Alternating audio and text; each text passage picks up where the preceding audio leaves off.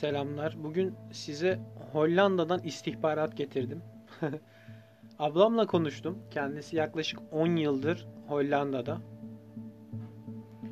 Kocası Türk ee, ve kocası Koran oldu ne yazık ki bir iki hafta önce. Dolayısıyla aynı evde yaşadıkları için ablam da korona olmuş. Şöyle eniştemin kilo ve nargile problemi vardı. O yüzden o biraz geç atlatmış. Bir hafta kadar falan yatmış. Ağır geçirmiş ve 6 kilo vermiş bu süreçte. Yavaş yavaş toparlanıyormuş. Ablam kötü alışkanlıklar olmadığı için bizim de ailece bağışıklık sistemimiz biraz güçlüdür. Sanırım o yüzden. iki günde atlatmış. Tat koku falan gitmiş tabi.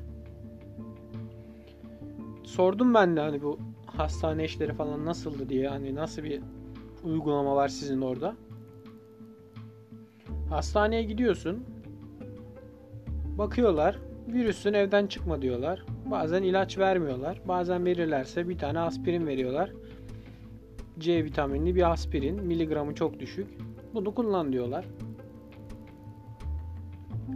Zaten eczaneden alabileceğin bir aspirin. Çok ucuz ve reçete gerektirmiyor. O yüzden ilaç vermeseler de gidip kendin alabiliyorsun zaten. Ablam da ablama ilaç vermemişler. Gitmiş kendi almış yani. Yani çok üstüne düşmüyorlar. Bizde bildiğiniz gibi en azından aldığımız duyumlara göre 3-4 ilaç veriyorlar ve miligramı çok yüksek ilaçlar. Bunlar da organ yetmezliğine falan sebep oluyor. Böbrek yetmezliğine özellikle. Öyle sorunlar oluyor. Ancak orada öyle bir sorun yokmuş. Aşı ile ilgili birkaç bir şey sordum. AstraZeneca gelmiş. Johnson Johnson gelmiş. Öyle mi okunuyor bilmiyorum. Telaffuzum öyle benim yani Türk olduğum için. AstraZeneca aşılanmaya başlayınca 60 yaşın altında 5 kişi vefat etmiş ve aşıdan dolayı olduğu raporlanmış. Aşılama 60 yaş altına durmuş 2 hafta boyunca. 60 yaş üstüne devam etmiş. Daha sonra tekrar 1-2 vefat yaşanınca bir hafta boyunca aşılama tamamen durmuş. Şimdi aşılama başlamış tekrar birkaç hafta önce sanırım. Ancak insanlar AstraZeneca aşısını olmak istemiyor. Aynı aynı zamanda Johnson Johnson aşısını da olmak istemiyor. Çünkü ölümlerden haberdarlar ve ülkeye BioNTech aşısı gelmiş. Yani Hollanda hükümeti BioNTech aşısı satın almış. Şimdi sırası gelenler gidip mesela şey yapamıyormuş. Sağlık Bakanlığı ve e, hükümet izin vermiyor. Ben BioNTech aşısı olmak istiyorum diyemiyorsun. Yani gittiğin zaman ne varsa onu oluyorsun. İnsanlar da sürekli aşılarını, aşı sıralarını erteliyorlar. Randevularına gitmiyorlar ve tedirginlik içindeler. Yine de buna rağmen 400 binden fazla kişi aşılanmış. Örneğin ablamın kayınbabası ve kaynanasının da sırası gelmiş ama kayınbaba biraz korkmuş yani çünkü aşı olanlar ölmüş falan filan diye. Gitmiş demiş ben Biontech olmak istiyorum. Demişler ki Biontech olmak istiyorsan tekrar sıranın gelmesini bekleyeceksin. O da ne zaman gelirse artık demişler ve göndermişler. Aşı olmak istiyorsan AstraZeneca olacaksın demişler. Böyle bir uygulama varmış. İlginç geldi bana. Yani gerçekten aşıdan ölüm olmuş. Ve bu raporlanmış bilimsel olarak.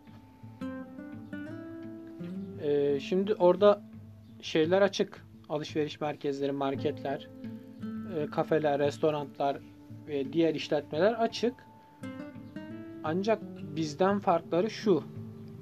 Burada bir polis bile esnafla konuşurken maskesini indiriyor ve sigara ikram ediyor. Beraber sigara içiyorlar. Şimdi orada öyle bir şey yok. Bu yüzden vaka sayılarında bizden çok daha gerideler. Ne oluyor peki?